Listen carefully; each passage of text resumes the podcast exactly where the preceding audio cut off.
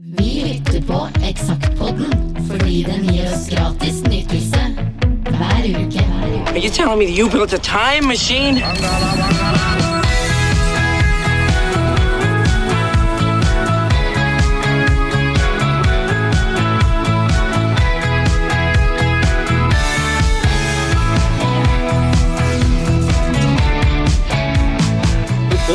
Sett på den andre sida her, men jeg har aldri visst hva det var der. Eksakt som det var. Rett og slett, akkurat sånn var det. Og hvordan det var når vi lagde septemberutgaven i 2001, det skal eh, dere få være med på bak kulissene nå. Ja. Nummer 64. ja, og vi, vi håper å si det er nesten så vi ser på kulisser og på framsida. Ja, her var det en forside. Det var en del av en Det var vel en Var det en moteserie? Det ser ikke helt sånn ut, men det var kanskje det. Der vi tok med modellene Det ser nesten ut som en sånn moteserie fra en bruktbutikk i så fall, men eh, vi tok med modellene til Lilleputthammer. Og ja. gjorde det artig der. Ja, og da ble det store, store mennesker og, og små hus. Ja. Birgit Solhaug eh, har tatt bildet, bilde, og Kjersti og Iver var modeller. Ja, altså, er, er det søsteren hennes? Det er det. Det er det, ja. det venta at det var noe der, skjønner du.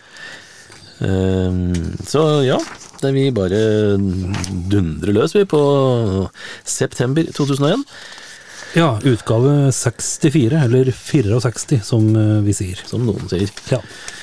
Um, på småplukksida her, så ja Her var det en, hadde vi en sak på at eh, Hansa skulle prøve å, å lansere øl på plastflasker. Det gjorde vel Ringnes òg etter hvert. Og det har vel vært noen plastflasker innimellom, men noen suksess har det aldri blitt. Eh, dette her skulle være litt sånn miljø og litt sånn, da, som Hansa satsa på. Men Ja. det ble ikke noe særlig godt mottatt. Nei. Så ser jeg her at uh, bare tre av, fi, eh, unnskyld, tre av ti nordmenn uh, brenner for jobben sin. Ja. Rekrutteringseksperter råder norske ledere til å ta signalene alvorlig. Misfornøyde ansatte kan ødelegge bedriftens omdømme i uh, omdømme. I testen ble 200 deltakere spurt om de er fornøyd med jobben sin. 32,5% svarte at de er meget fornøyd, mens over halvparten var ganske fornøyd, eller middels fornøyd. Så eh, det er jo De et er vel- apropos. De er vel der i dag òg. Det kan det nok tenkes. På Preikfronten så uh, var det jo de forskjelligste innlegg. Og det er en fyr her som uh, kaller seg den uvise gutten. Ikke uvisse, altså, men uvise. Som sier at jeg har hørt at hvis en øh, ønsker noe veldig, så går ønsket i oppfyllelse. Men jeg har enda ikke blitt en spyflue. Hvorfor? Ja, Og da svarer vi øh, den uvise gutten at det er fordi du alltid har vært en spyflue, og derfor ikke forstår menneskets måte å kommunisere på. Når de sier at ønsket går i oppfyllelse hvis du ønsker noe nok, mener de egentlig 'jeg skal mose deg med gårsdagens VG'. ja. Og så er det en uh, godsinne en her, da. Eh, Eksakt er den beste avisa for oss unge. Venter like spent på hva avisa inneholder hver måned. Takk for mange gleder. Kos til alle i Eksakt og leserne. Det var jo veldig stas å høre, da. Ja, sånne likte vi jo godt. Han ville jo til og med ikke ha noe CD for det. Nei, det var ikke alle som ville ha deg heller. Kanskje de satsa på kassett fremdeles. Ja. Blar vi videre, så kommer vi til et intervju som jeg gjorde med eh, Stefan Fallbakken. Eh, Anders Vollan var med bort til Hamar og tok bilder. Der fant vi en gammel, eh, skikkelig stygg vegg på et gammelt trehus eh, i byen der, som vi tok bilder. Som ble ganske snæsende, ja. syns jeg. Det var en trivelig kar å prate med.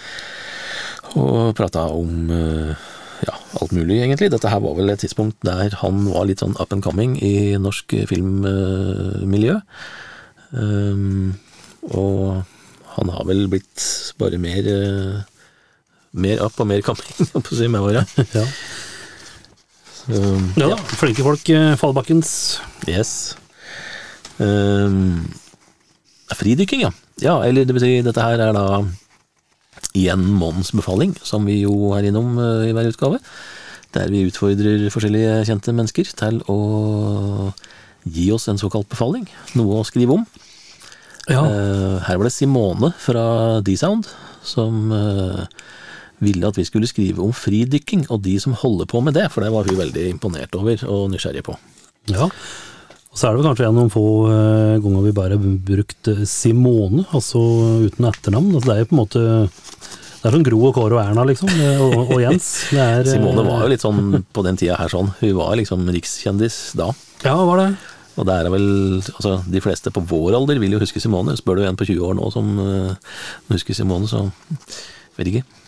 Nei, eh, da går det kanskje mer på at de eh, enten er eh, veldig interessert i å spille bass eller trommer og kjenner til D-sound-kara, kanskje. Det uten, No offense eh, for Simone, som er en kul vokalist. Men det er jo mange år siden hun var med i D-Sound, sjøl om hun hadde en liten sånn uh, gjestevisitt nå i sommer på turneen som var, sammen med den nye vokalisten. Mm. Og så var det da Ingrid Olava som tok tak i den befalinga også. Hun, Ja. hun fikk mange sånne ting som eh, var litt eh, ja, vrient, eller litt sånn eh, Ikke helt umiddelbart kanskje å skrive om, men hun tok det jo på strak arm, stort sett. Det hadde vært morsomt å høre med Ingrid nå hva hun egentlig syns om å bli eh, bare tildelt alle mulige merkelige saker. Eh, den gangen skal vi rett og slett prøve å ringe til Ingrid Olava og, og eh, spørre henne litt om eh, Ja, ting og tang. det kan vi gjøre. Jeg har jo tilfeldigvis nummeret klart. Ja, ikke sant? Så da kan vi jo uh, høre da, om vi får tak i Ingrid, om hun er ute ved, ute ved havet. Kanskje sitter og spiller konsert. Det kan være. Eller så tar hun rett og slett telefonen. Jeg tror jeg gjør det nå.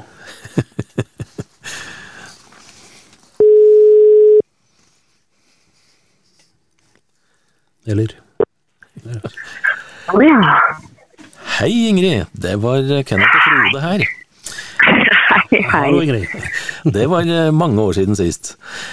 Ja, min, min gamle sjef og min gamle kollega, holdt jeg på å si. ikke sant? Og for din del, eh, mange plater siden. Ja, det er det jo for så vidt. Eh, Jeg sitter faktisk akkurat nå og lager settliste til den nye turneen min, og innser Ja. at jeg har fått mange sanger å velge i. Så det er plutselig blitt litt vanskelig? Ja, å lage settliste. Men det er, jeg tenker at det er liksom, i den grad det er vanskelig, så er det hyggelig vanskelig på en måte. ja, det må være et skikkelig koselig luksusproblem. Ja, ikke sant? På en måte, ja. Bare la merke til det, Ingrid, at du la veldig trøkk på gamle sjef og gamle kollega. Er det liksom jeg mener ikke så mye at dere er blitt gamle. At min, ok, jeg skulle sagt tidligere sjef, ja selvfølgelig. Tidligere sjef, tidligere. Jo, jo, herregud, det er jo helt klassisk eh, feil Ja. Eh, å gjøre. Jeg beklager fra dypet av meg selv. det er glemt allerede. Men det, det, dette her er ikke mer enn 20 år siden, så jeg skjønner det. Nei, ikke sant. Herregud, er det 20 år siden? Ja, nå driver vi med septemberutgave 2001, og det er da altså snart 22 år siden. Um, og du kom jo inn som et sånn veldig friskt pust inn i redaksjonen vår. Det var vel Var det Kai Svenskerud som, uh, som håper si, dro deg med på en, uh, et redaksjonsmøte, eller hvordan var det egentlig? Ja, altså jeg hadde, jeg, det er det her jeg tenker på i dag når jeg visste at du skulle ringe meg. så bare tenkte på Hvordan var det det begynte? Men jeg, jeg kan faktisk ikke eh, Jeg tipper at det var både Kai Svenskerud og Christian Paalsøren, hvis jeg skal gjette, eh, faktisk. For det var jo liksom min gjeng det var min gjeng på videregående, på, eller på Tramberg. Mm. Så liksom Ja, de, eh, de eh, foreslo at jeg kanskje om det mulig at jeg kunne prøve meg, da, i eksakt. Jeg hadde liksom skriveambisjoner. Mm. Og så vi For ja, to-tre utgaver siden så snakka vi jo om uh, Det tredje tegnet, den serien som vi gjorde intervju med deg på, ikke sant? Som vel Fled Kai kjente jo deg da, ikke sant? Så, sant uh, Ja, vi gikk på videregående sammen. Ja, han var jo en av mine aller beste venner. så han uh, mente vi da burde gjøre et intervju med deg. Det gjorde vi jo. Husker du noe av det intervjuet? Nå? Eh, jeg husker at Anders Vollan tok noen bilder av meg hvor jeg frøys noe jævlig. Eh, det husker jeg veldig godt. eh, og så eh, husker jeg at eh, herregud, altså jeg, jeg vet ikke helt, det er litt rart det er ting som skjedde når man var så ung. Fordi at jeg husker liksom eh, Jeg, jeg husker det jo altså, faktisk ganske godt fra Jeg husker på en måte mer av det som skjedde da jeg var 18, 19, 20, 21, 22, liksom, enn siste halvdel av 20-åra egentlig. For da begynte liksom det å eskalere i mengden ting som skjedde, hvis du skjønner. Så jeg husker det intervjuet veldig godt, ja. Eh, men jeg husker også at jeg og Kai var liksom litt sånn Det var jo veldig corny at han skulle skrive et intervju med meg, på en måte, for vi kjente hverandre kjempegodt. men, eh, men det var herregud, det var jo på en måte det bra på, på en måte små forhold, så det var jo greit å gjøre det allikevel. Det var jo ikke noe sånn at han var At det ble et dårlig intervju? Nei, nei, det tror jeg ikke. Jeg tror det ble Nei, nei, nei. Okay. Du presenterte deg som en, eh, på en veldig god måte, som en ny skuespiller, ny person, eller nytt navn, da, å se opp for. Men så, så ble det jo noe annet da, etter hvert, enn uh, film. Uh, jeg kan ikke huske om du snakka noe særlig om liksom, film eller musikk, eller om du, liksom, hva som var planen egentlig, men du, gikk du på musikklinja på Dramberg? Jeg gikk på musikklinja, og så hadde jeg jo på en måte en sånn skuespiller Uh, altså det, det, er, altså det var jo ikke sant, det er det jeg liksom Som Gillian Welsh sier, 'time the revelator', for å si det sånn. Da. Altså jeg merker jo nå i en alder av 42 at jeg er liksom på en måte blitt til som menneske ved piano. Altså Det er liksom ikke noe tvil om at på en måte den dypeste åren i meg handler om å spille piano. Men når det er sagt, så er jeg jo veldig glad i å skrive. Og jeg er veldig glad i å spille skuespill. Jeg er veldig glad i å, altså, skjønner du? Så det er jo liksom, jeg har jo alltid holdt alt annet liksom åpent. Men, men, men um, jeg hadde egentlig tenkt å bli liksom, arkeolog da jeg var barn, og journalist da jeg var tenåring. og liksom, skjønner du? Så det har jo aldri vært For jeg så på det som helt sånn utenkelig at det skulle kunne bli sånn at jeg levde av musikk. Som er litt, litt gøy. Ja, men, eh, men eh, nei, jeg, jeg hadde ikke noe, jeg hadde ikke noe sånn eh, jeg, altså, det, Du vet når man er i de åra der, de formative årene mellom liksom 18 og 30, egentlig. Jeg vet ikke hvor lenge man skal si at de varer, ja, men da blir liksom alt man er med på, blir jo litt sånn definerende. Altså jeg tenker at Hadde jeg ikke vært Eksakt, så hadde jeg jo kanskje ikke søkt meg inn i Radio Nova med en gang jeg kom til Oslo et par år etter det igjen, ikke sant, og så videre. Sånn at det, det hele den der journalistiske åren og det å eh, Hva skal jeg si? Altså, en slags form for sånn dyp kulturinteresse, da, som har gitt seg mange forskjellige utslag, liksom. Mm. For det var jo alt det du har nevnt nå, liksom er veldig sånn kreativt, eh, kreative retninger. Så du eh, har jo du har liksom fulgt den retningen hele tiden. Ja da, men altså det der å skulle få platekontrakt er jo veldig si, Det er jo liksom så usannsynlig at det skal skje. Så at det, som liksom siste som skjedde før jeg ble artist, var på en måte at jeg eh, hadde egentlig landa veldig fint i at jeg hadde tenkt å studere psykologi. Sånn at det var jo der jeg egentlig føler at, jeg, at 20-åra mine endte liksom på en måte i liksom det at jeg bestemte meg for det.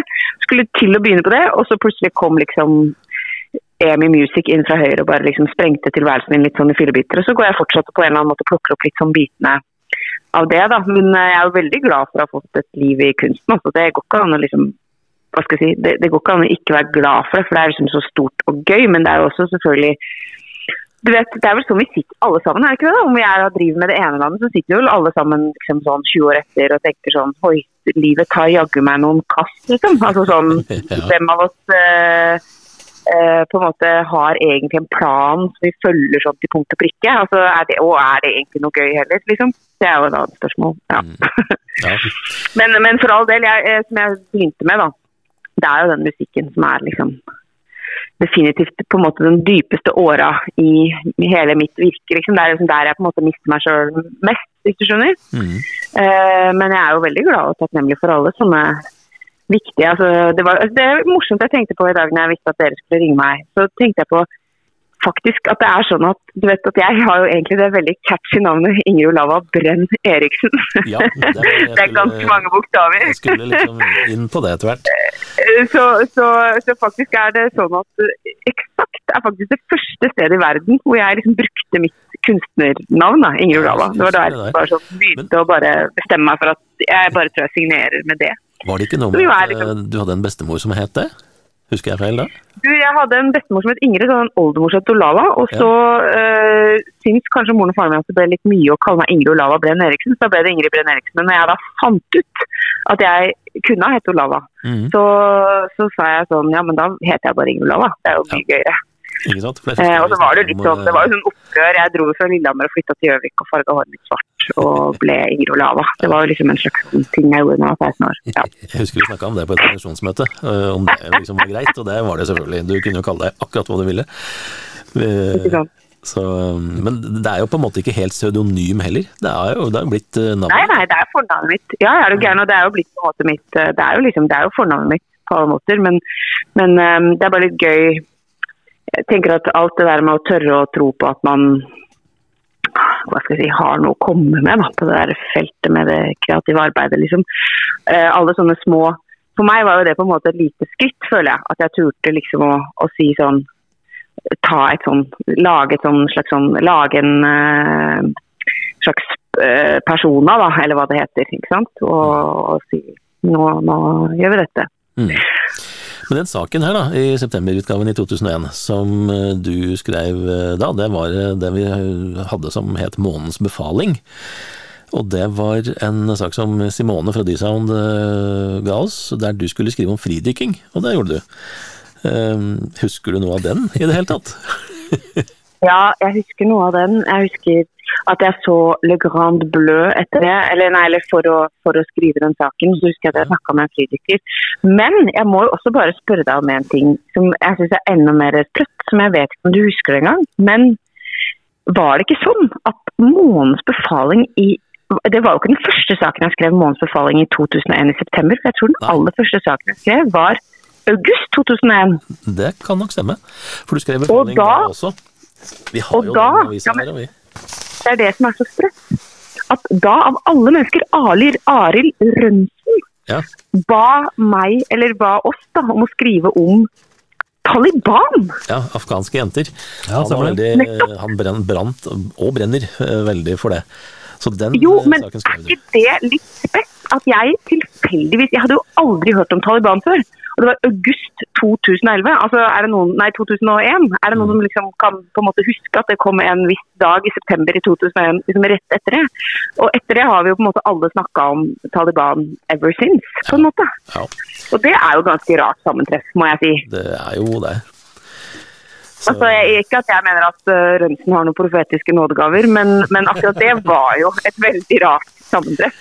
Ja, Fordi at jeg, jeg husker bare så veldig godt jeg satt på for Jeg satt nemlig også da på Amfield, altså, eller Ampfield som det het da. Eh, når det der, de der to eh, flyene eh, traff. Mm. Og, og da, når, når det liksom begynte å, å Altså når de spekulasjonene begynte å komme da, om sånn Kan det være Taliban? Så ble jeg litt sånn er det noen som vil vite hva det er? For jeg vet hva det er. For jeg har akkurat, jeg har akkurat skrevet en sak om det i, Eksakt. Og det var, det var bare så sykt rart sammentreff. ja, det må ha vært det en rar følelse den gangen, liksom, når du ikke hadde hørt Ja, for dette var jo liksom helt sånn, det var Jeg hadde aldri hørt Jeg ante ingenting om innenriks eh, hva skal jeg si, politikk i Afghanistan eh, i 2001. for å si det sånn. Jeg var eh, 19 år gammel, eller hva blir det, 20 år gammel, og hadde ikke peiling, liksom. Men jeg hadde jo da satt meg litt inn i det akkurat da, bare pga. det. Mm. Så det, det er jo bare veldig rart. Men ja, og når det er sagt, jeg husker også veldig godt at jeg skrev om fridykking. Ja, men jeg husker ikke, altså Mora mi var veldig flink og klippet ut alt, og, så alt er i en sånn Ja, stor ofte perm da, så jeg kan Det er- bla tilbake på. Det er mamma ofte som driver og samler på det.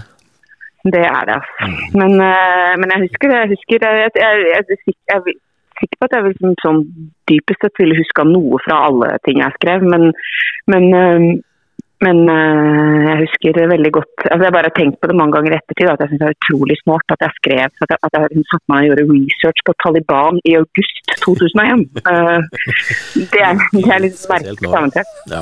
Ja. Men nå husker ikke jeg om du gjorde noe særlig artistintervjuer. Gjorde du det? Nei, det tror jeg faktisk ikke at jeg gjorde. Jeg gjorde eh, et intervju. Jeg husker at jeg husker at jeg intervjua han, eh, han der teaterregissørbroren til MC. Mm. Eh, og Christian Hagen, selvfølgelig. Og jeg gjorde noen intervjuer, ja, men jeg, eh, jeg tror kanskje ikke det var så mye artistintervjuer, for å være helt ærlig. Nei, for jeg tenkte sånn, altså Hadde vi visst det da, som vi vet nå, så hadde vi jo satt deg på masse artistintervjuer, tenker jeg. liksom. Ja, men er det sikkert at de som driver med Altså, jeg tenker kan det være vel så ikke, Ja, det kan godt hende. Jeg, jeg, altså, jeg intervjua faktisk ganske mye artister når jeg jobba i Radio Nova et par år etterpå. Da Så hadde jeg, da jobba jeg i en sånn kulturredaksjon, så kom det artister på besøk hele tiden. Og da brukte jeg jo, brukte jeg jo det helt sånn skamløst for å egentlig drive med sånn research i forhold til min egen virksomhet. Så sånn, Hanne Hukkelberg, du er jo aktuell med ny singel. og Hanne meg hvordan vet du egentlig når en sang er ferdig? For det er sånne, sånne ting som jeg satt og lurte på sjøl. som kanskje ikke var så jeg, si, jeg tror det ble relativt smale intervjuer, da, hvis jeg får si det sånn. Eh, men det trenger trenger å vi høre på. jo da, for noen i hvert fall. Så det, det er nå greit. Men hvordan syns du egentlig eh, liksom, eh, tida i eh, Eksakt da med tanke på redaksjonsmøtene var? For det har vi liksom ikke fått spurt så mange sånn ordentlig om. Vi var jo en ganske sånn ja, eh, merkelig gjeng som var veldig eller, vi var ikke innadvendt akkurat, men vi var, vi var på en måte litt sånn spleisa eh, Litt mannsdominert, sjøl om vi hadde jo sterke damer som Birgit Solhaug og Tanja Kallekort og, og deg og sånn, så, så var det litt sånn eh, ja, en gutteklubb å komme inn i. Åssen var det egentlig?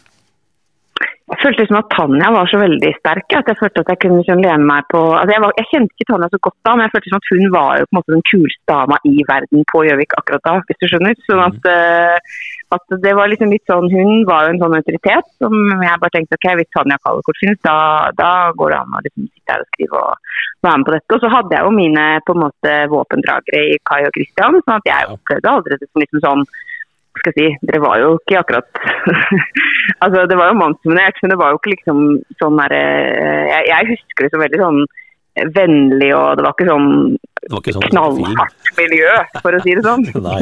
Vi, det var det ikke. Vi men, var men på eh, dette med kreativitet, å finne på Vi hadde vel nesten et sånt slagord som var sånn jo villere, jo bedre, når det gjaldt eh, temaer og saker og sånn. Altså, vi hadde liksom en spalte som het sånn Månens anagram, liksom. Så ja. hvor Coco Bananas hardcore kan det ha vært, på en måte. Nei, det var jo kjempekoselig. Jeg så på det som sånn jeg så på det som like deler liksom, sosialt og nettverk og jobb, på en måte. da, hvis du skjønner. Det var jo, liksom, det var jo kjempehyggelig og lærerikt og en utfordring. Og på en måte Jeg lærte jo veldig mye av det. Herregud, jeg husker ikke minst uh, hadde jo en gjorde en måneds befaling eh, hvor jeg brukte eh, Tenkte jeg på igjen her forleden når han plutselig døde. altså Jeg brukte, hadde Frank Aara Årebrot som, som, som, kilde i en sak. Ja.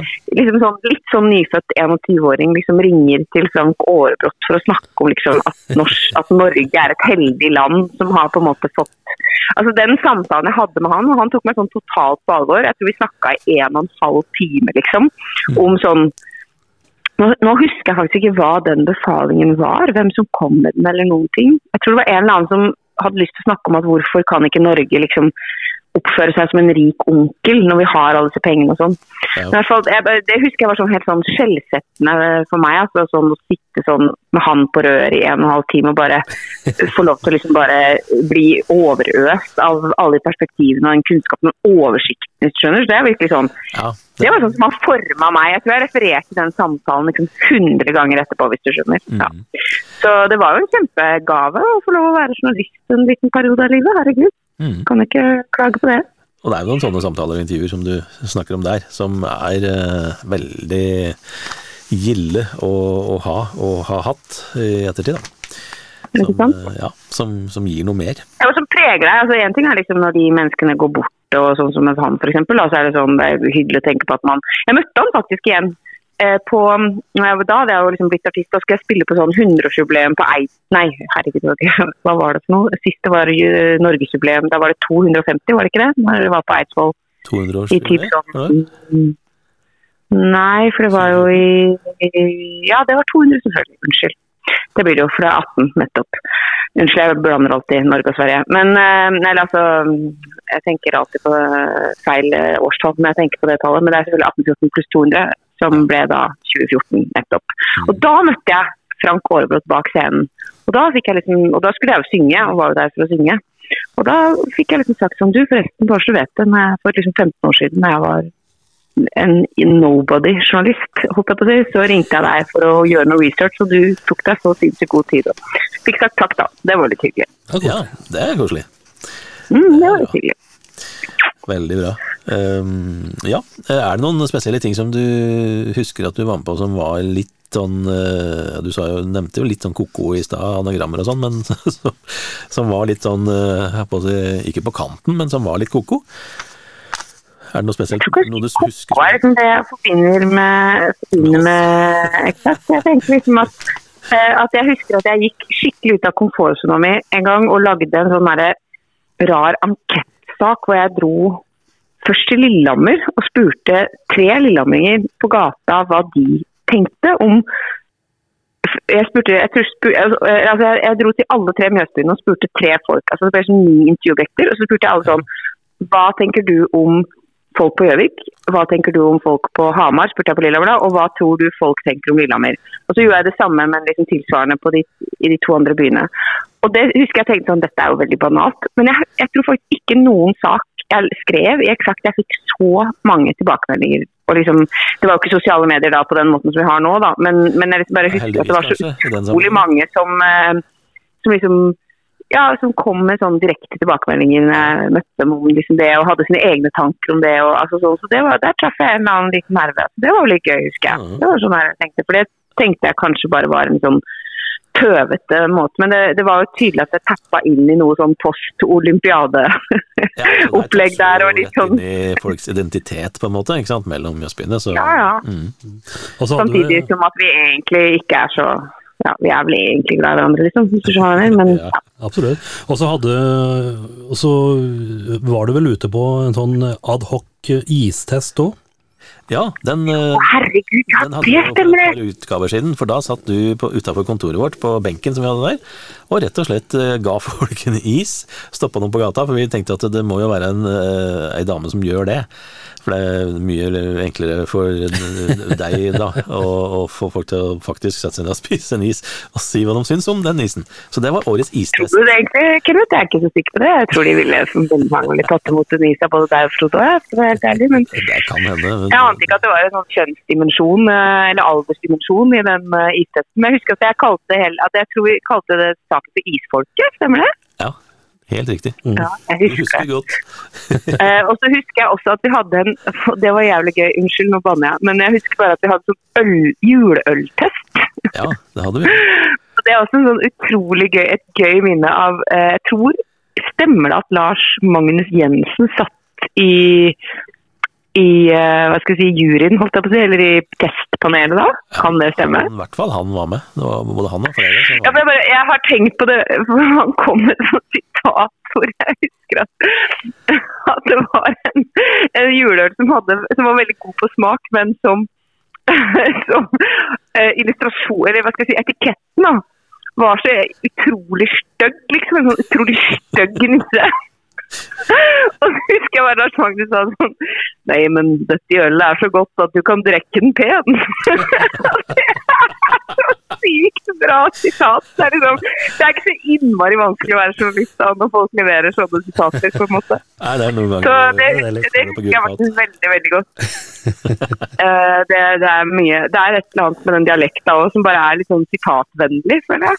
Ja, det Ja, det er- ja, veldig Det er godt, et hyggelig minne. Vi pleier å ha eh, sånn avslutningsspørsmål. Liksom, hvor er du nå? Det trenger vi jo ikke å ha til deg, da. fordi at folk veit jo hva, hvor du er nå, holdt jeg på å si, eller hva du gjør nå. Ehm, men eh, det går jo bra, gjør det ikke det? Jeg vet egentlig hvor jeg er nå. De, det de ikke vet, er at jeg har flytta ut av Oslo. Jeg har bygd meg et hus eh, sammen med mannen min og bor eh, nå Sånn at jeg står nå eh, i stuevinduet mitt og ser over eh, Oslofjorden bort på Drøbak. Så det betyr at jeg bor på Hurumlandet, på et rart lite nydelig sted som heter Storsand. Hvor det bor 300 mennesker. Så det er bare tre kvarter inn til byen. Eh, men vi har en hybel i byen, og så har vi nå fått et hus her ute. Så nå lever vi et slags sånn dobbeltliv, og det funker bra. Høres Eh, jeg har fått to barn og eh, spiller og synger fremdeles, og er eh, egentlig veldig fornøyd. Liksom. Så det jeg kan ikke si noe annet. veldig bra. Og så kommer det sikkert en ny plate etter hvert. Du, ja, det kommer ny musikk allerede nå i slutten av april, og så kommer det en ny plate i 1. september. Ja, Ja. da har vi noe å glede oss til. Så så de faktisk Ja, jeg håper eh, Jeg så de på fjernsyn her om dagen sammen med Bjørn Eidsvåg, apropos. Så Ja, det er jo begynner å bli noen år siden det òg, for det var jo 60-årsdagen hans. Og nå er han jo Hæren flytter vei snart 70. Men eh, eh, det var en fin konsert. Det var en fin runde, det. Jeg var med på den derre Det var jo rett og slett bare liksom øh, Han mangla Lisa Nilsson. Hun var og gjorde Chicago i Stockholm. Så var det sånn Ingrid, kan du være med og synge 'Mysteriet deg'? Og så gjorde jeg det da en, en uke eller to. Men det var hyggelig, det. Denne går eh, jevnt og trutt på lineær eh, reprise-TV, så Ja, men det gleder mitt hjerte. ja. Det er bra. Men det var veldig koselig. Men du, dette var veldig, ja, dette var skikkelig gøy eh, mimring. Det er veldig, veldig godt å merke hvor mye jeg faktisk husker òg, når alt kommer ja, til du alt. er jo krystallminne, det er jo strålende. Så. Det har ikke vært mange som har huska så mye. så Det er jo imponerende. men hvis det, nå, Nei, nei. hvis det nå skulle være noen da som eh, plutselig grav seg fram under en stabburshelle og eh, ikke hørt noe særlig av musikken din, så er vel den å finne på internett, både, både her og der? Både her og der på internett, vil jeg si, ja. Det, det vil jeg absolutt si. Man kan oppsøke meg på både Spotify og alle mulige steder hvor man eh, vanligvis oppsøker musikk. Så for all del gjør det. Gjør det, gjør det. gjør det. Tusen hjertelig takk, Ingrid, for at du ville være med og mimre, og lykke til videre. Ja, det var veldig hyggelig.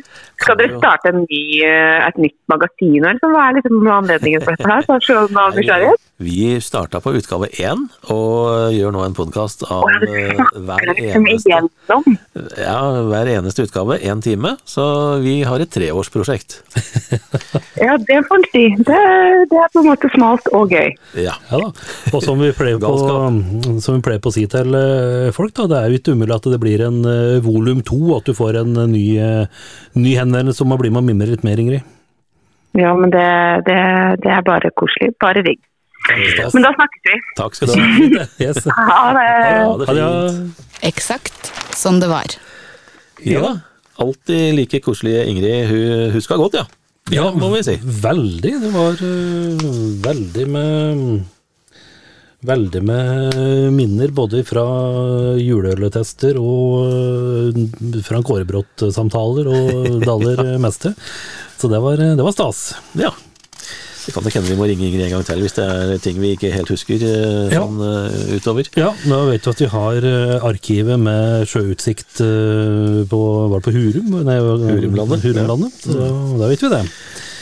Men vi får bla videre da, i septemberutgaven. Vi har jo bare kommet til side ti, tross alt. Um, Ja da, og da er vi inne på den eh, eh, moteserien som vi snakka om med Lilleputt Hammer. mm, Som Birgit Soløy lagde med mm, Kjersti og Iver som modeller. ja. Det, og det var faktisk nye klær, sjøl om jeg trodde det var brukte klær. Jeg vil ikke si hvem det er, da, for da er det i hvert fall ingen som blir eh, sure for det. Nei, det må det. Um, og når vi blar videre, så kommer vi da til Kaja Borg eh, sin sak som rett og slett heter 'En artikkel om løgn'. Til deg som er ny i byen. Eh, og her eh, er det da ja, ny i byen, altså når du begynner på en ny jobb, eller du begynner på en ny skole, eller i det hele tatt. Så her er det da løgnlister. De vanligste løgnene i forbindelse med arbeidsliv, i forbindelse med fritid, og sånn på privaten. Ja da, her er det en del bra, bra ting eh, som jeg tror de fleste kjenner seg til. Arbeidsliv. Eh, Jeg trodde møtet var i morgen, det tror jeg de fleste har eh, sagt. Ja, jeg fikk ikke åpna vedlegget til mailen. Den er vel fremdeles gyldig, den, eller i bruk? Ja, eh, og eh, denne her må innrømme si at jeg kanskje har brukt litt òg. At nå har jeg vært bortreist en tid, så jeg fikk posten først i dag. Den, Ja, Eller å skylde på andre, som jo mange er flinke til. Ja. Det må være den nye vikaren som har rota det bort.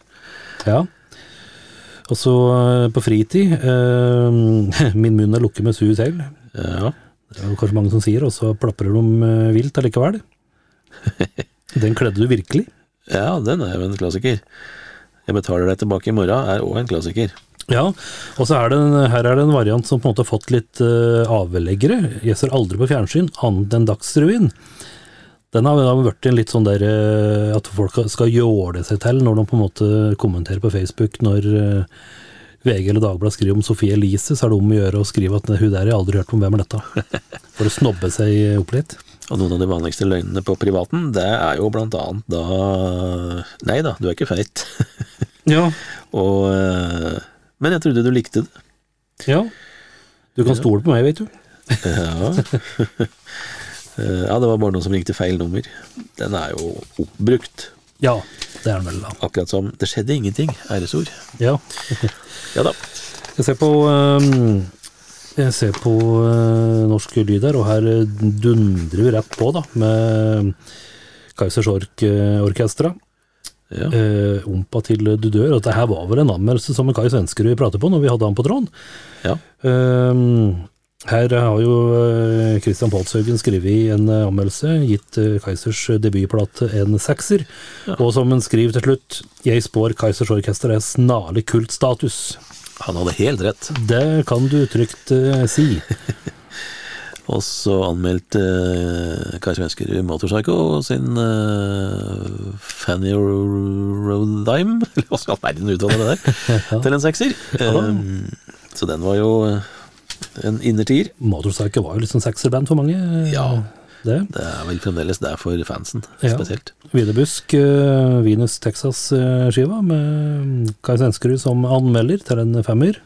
Og jeg anmeldte Jonas Fjell sin Tidevann til en femmer. Veldig, veldig fin skive. Som uh, har tatt fram nå og da. Ja. Uh, og så er det Jarle, Jarle Neråsen da, som har skrevet om uh, Oral B, Ja. uh, norsk hiphop. Sånn vi putter det ned. Det var en mer merkelig tittel, men ja. Oral B var vel heller ikke blant de som liksom hadde mest kred i diverse Nei. kretser. nei da. Og så er det jo er det første soloskiva til Magnus Grønneberg, Villenvei-plata. Det var vel det, var det ikke? Jo. Mm. Som uh, Kaja anmeldte til en firer. Og du anmeldte Kaja Huse sin Mellom oss til en toer. Den var du ikke imponert over. Nei, Og på motstående side her har jeg gjort intervju med henne. Ja. Hun var en hyggelig dame å prate med, da. ja veldig. Og så var det veldig artig live. Tøff, Ja. artige konserter, men eh, det ble litt sånn, den der pludrepoppen ble litt sånn eh, slapp. Altså, hun er jo en veldig vennlig sjel, skriver artige tekster og spiller jo fint, så det er nesten rart at hun ikke liksom har blitt fortsatt å være mer, skal si, en slags riksskatt enn hun faktisk er. For hun er jo ikke blant de artistene som spiller i flest konserter og er med på flest TV-programmer osv. Men det kan hende det er noe valget har tatt sjøl, kanskje. Ja, jeg har jo sitert eh, en tekstlinje her. For hun er ikke tatt bak en barnevogn. Shopping og skjelett blir hun høy av. Og går hun til frisør er det neppe for å slippe å få hår i øya. Ja. Så eh, det, det, skulle være litt kunstnerisk dette her, da. Ja, det, det var vel ikke Ole Paus-lyrikk, det der. Nei, og så eh, Men, men. må vi vel si det, da, at eh, kjæresten hennes, Jan Eggum, da var jo en hedersmann, men eh, gikk jo litt i baren når han uh, hoppet inn eh, og forsvarte piken når jeg fikk litt slappe anmeldelser. Vi eh, hørte vel litt noe fra Jan Egum 3, men eh, Nei, det gjorde vi ikke. Vi prata masse om den seinere, men ikke i dag. nei.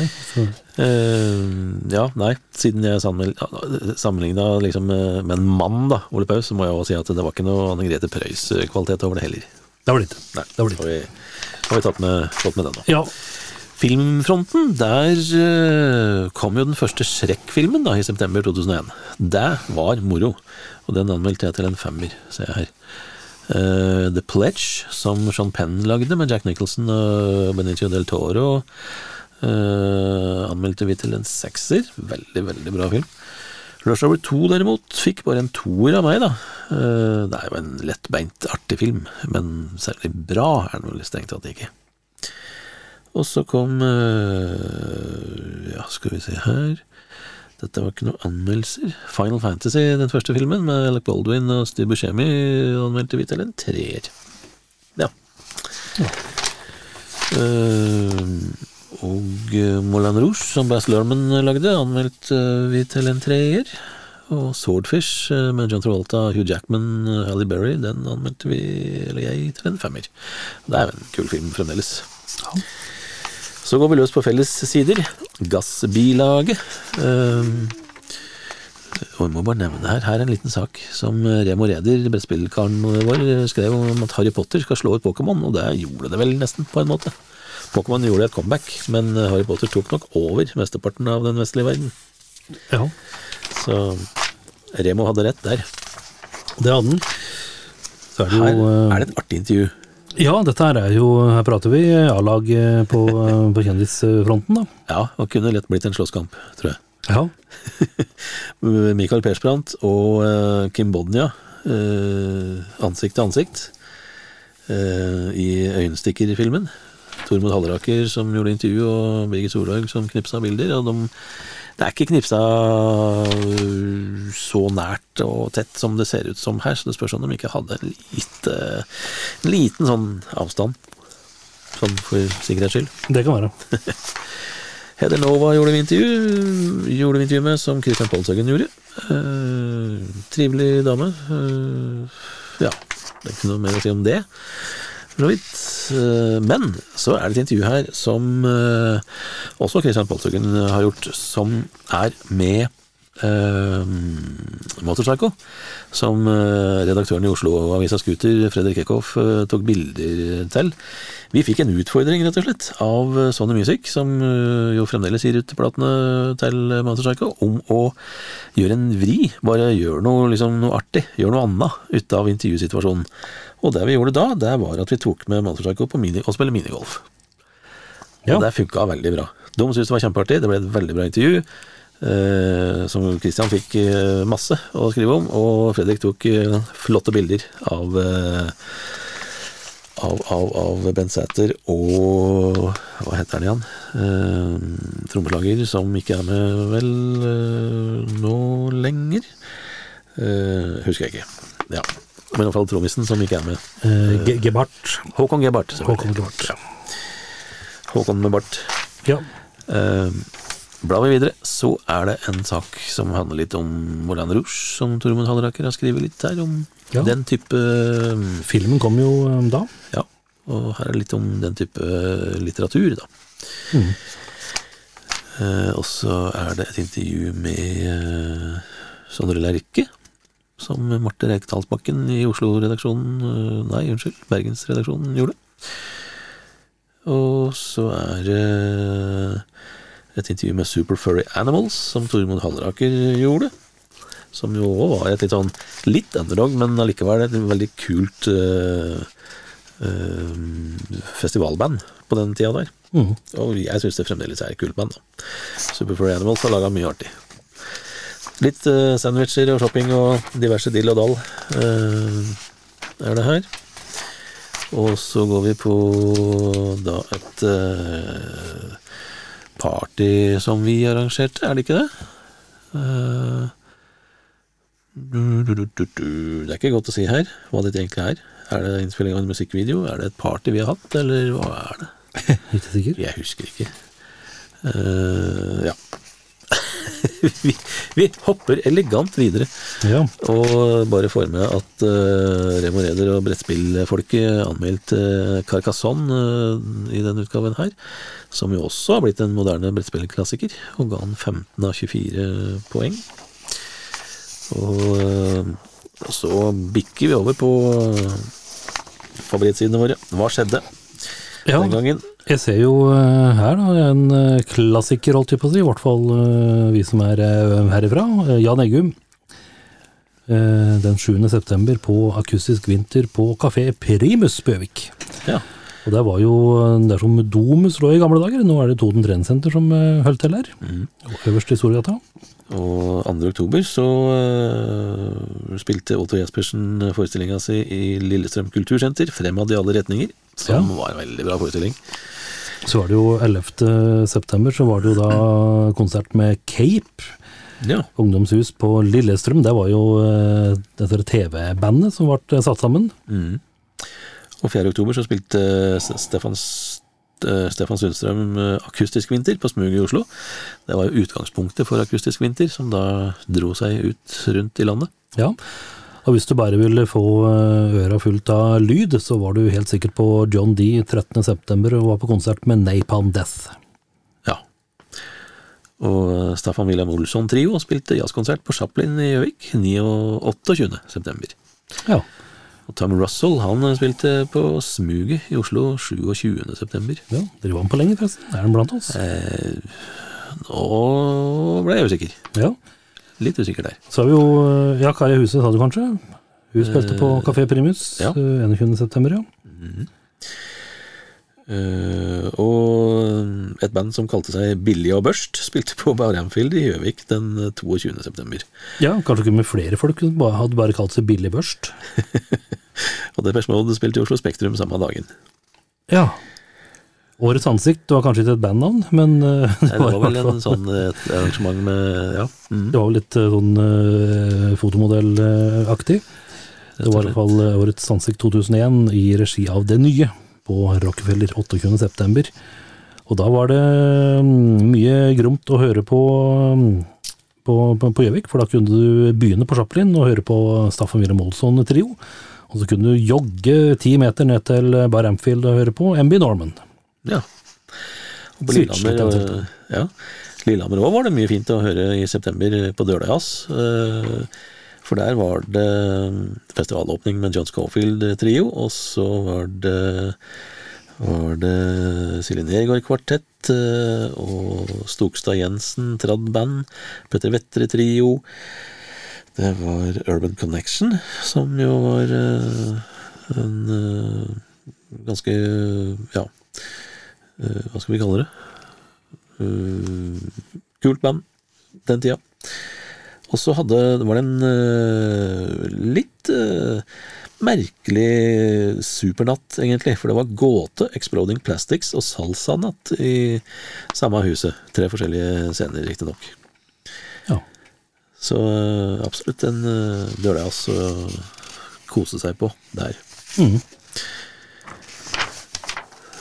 Så har vi et intervju her som du gjorde på USA-tur. Det var vel samme turen som vi var innom i forrige Ja, det. eh, runde? Det var, eh, dette var jo litt eh, stas for meg, da, som var fan, og dette er jo da eh, intervju med en av mine store helter, en fyr som heter Russ Freeman, som spiller i et band som heter The Rippington, som er litt sånn eh, fusion-jazz, eh, litt sånn golfklubb-jazz.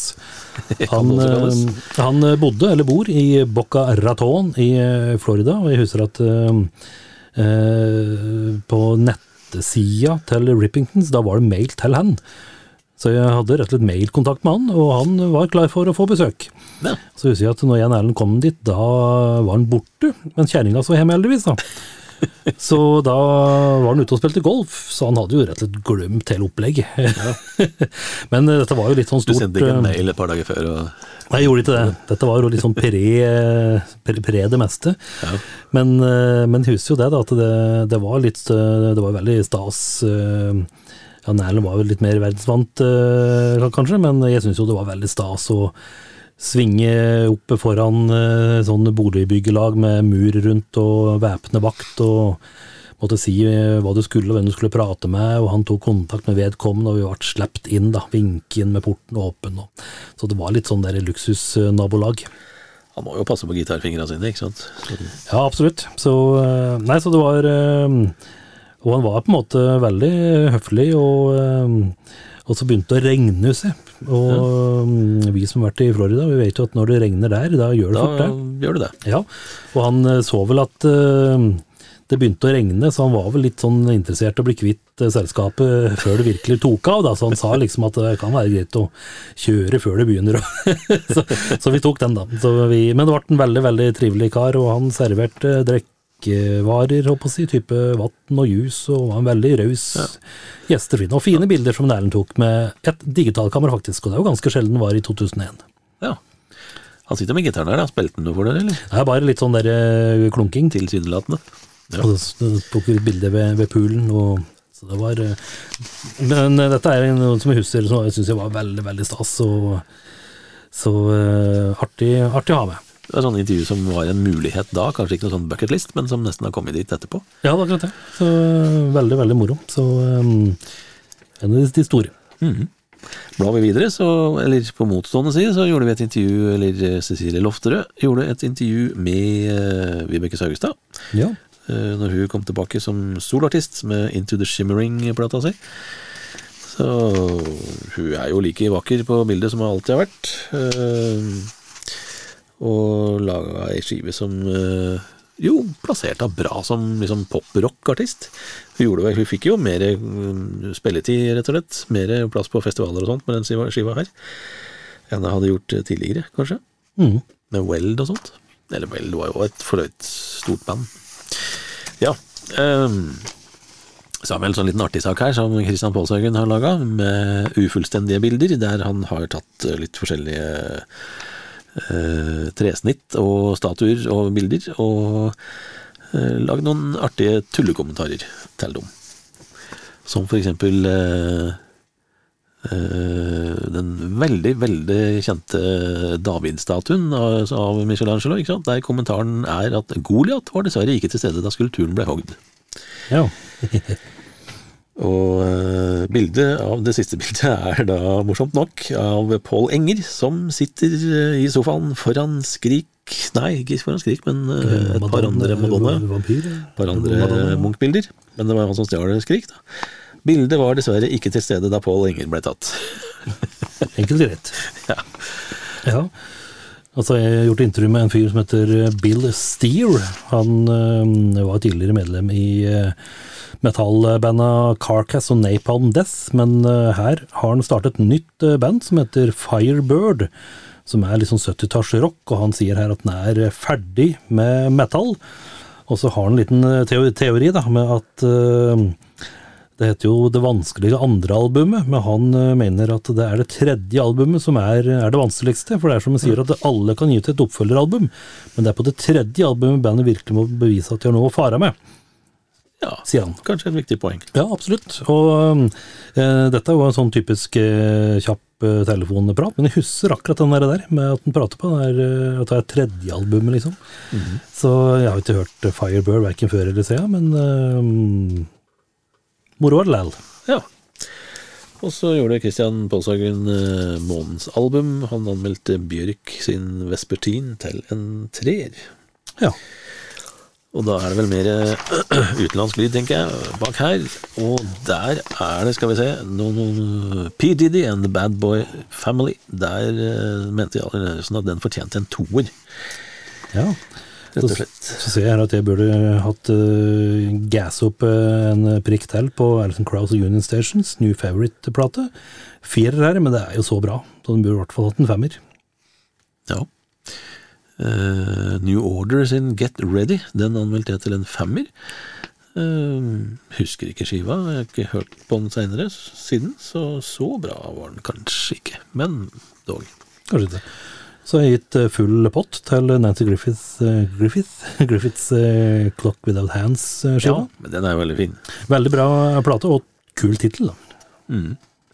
Og så anmeldte du Ed Harcourt sin Here Be Monsters til en femmer. Eh, og Orbital anmeldte jeg The All Together-skiva til en femmer.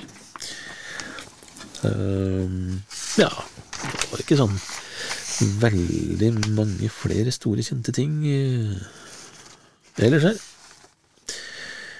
Men tung lyd, der Ja, her er det, her er det ymse. Her er det mye black metal da, med Dark Funeral og Vindir. Eh, Det er Dark Throne med ny skive, Plague Wa- Wailder, eh, Winnie Moore, Tony McAlpine i gitarland, Slayer, God Hates Us All-skiva, Slipknot med Iowa-plata, osv., osv. Metallintervjuer er da med, med den godeste godeste Nocturno Culto, eller Ted Skjellum som det heter. Han tror jeg gjorde en par med artig, eh, trivelig fyr, eh, gitaristen og vokalisten da, i eh, Dark Throne. Og så gjorde jeg intervju med en fyr som kaller seg for Lord Ariman, som eh, eh, er, eller var, litt dårlig research her. han startet i hvert fall svenske black metal-bandet Dark Funeral, og jeg mener at det er han der som var smed. Så han var jo liksom litt i, eh, litt i, litt i bransjen, kan du si. da. Ja, i hvert fall i metallbransjen. Det var han. Eh, og så har vi lagd en sak om DVD Audio, som jo kom og gikk ganske Ja. fort. Anagrammer.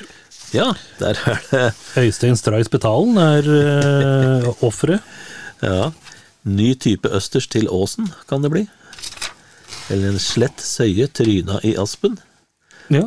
Asle Syratten Tøypenis. Eh, Ja, Det var, vi, vi skal legge ut dette her på Facebook, så kan folk lese. Ja. Kai Svenskerud har eh, skrevet en sak om historiske verdier, eh, sånn i forhold til dagens samfunn. som for så vidt er like gyldig nå som da. Og så er det en eh, annen sak som Kai også har skrevet, som handler om bank og ja, lån og økonomi og sånne ting. Dette var vel en sak som Kai rett og slett ringte rundt til bankene, så vidt jeg husker, og, og spurte hva slags tilbud unge folk kunne få, sånn i forhold til å kjøpe seg bolig og sånt. Så like aktuell den nå. nå. eh, og, men det var kanskje ikke så vanskelig da å få seg hus. Nei. Så eh, ser jeg her at eh, jeg har gjort eh, intervju med sjølveste Magnus Grønneberg. Der gjorde du, om Wildenway-plata. Ja. Og så i min utgave så er det intervju med Kaizers Orkestra. Ja. Det var det Marte Rekdalsbakken gitt, som gjorde og det var vel da med vår venn Jan Ove Ottesen som som det står eh, med bilfelger og brekkjern, oljefat og pumpeorgel går Kaizers Orkestra til kamp for å spille Ompatili dør og bli Norges beste liveband, og det det ble jo, eh, ble jo bra saker, dette. ja. Så hadde vi rett og slett litt uh, Vi trigga samvittigheten til folk og lagde en egen annonse der vi skrev 'Bruk stemmeretten din'. Ja, Vi hadde jo sosial samvittighet, må vite. det hadde vi. I hvert fall da. Det var september Det var det. 2001. Vi er rett og slett ferdig. Det er vi. Vi høres plutselig. Adjø. Vi lytter på Eksaktpodden fordi den gir oss gratis nytelse hver uke. Hver uke. Are you telling me you built a time machine?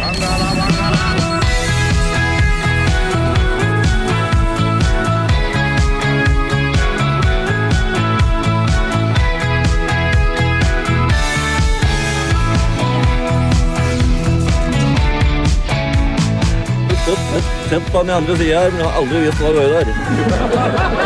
Eksakt som det var.